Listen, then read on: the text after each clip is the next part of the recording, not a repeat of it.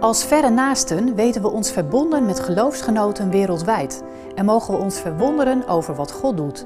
Maak vandaag kennis met Carmen, 55 jaar, woont in Brazilië.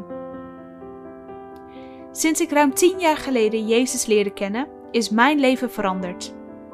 Ik ervaar zegen. Ik hoorde het evangelie via een kerkplanter en genoot ervan om te leren wat christelijk leven is. Door de leiding van Gods geest, dat realiseer ik me nu, besloot ik Jezus te beleiden als mijn Heer en Redder.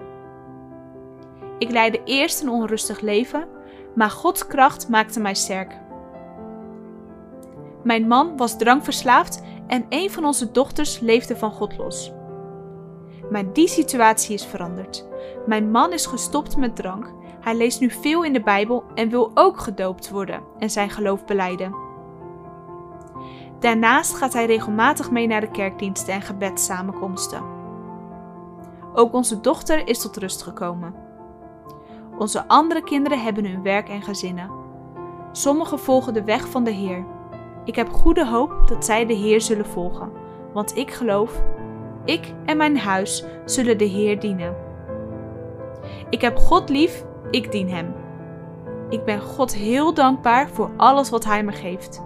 Elke dag weer. De Heer heeft mijn leven zin gegeven, want Hij ondersteunt me. Prachtig toch wat God wereldwijd doet? Steun geloofsgenoten wereldwijd, zodat zij in eigen taal, eigen cultuur en omgeving Gods bevrijdende boodschap mogen bekendmaken in woorden en daden. Ga voor meer informatie naar verrenaasten.nl/ikgeloof.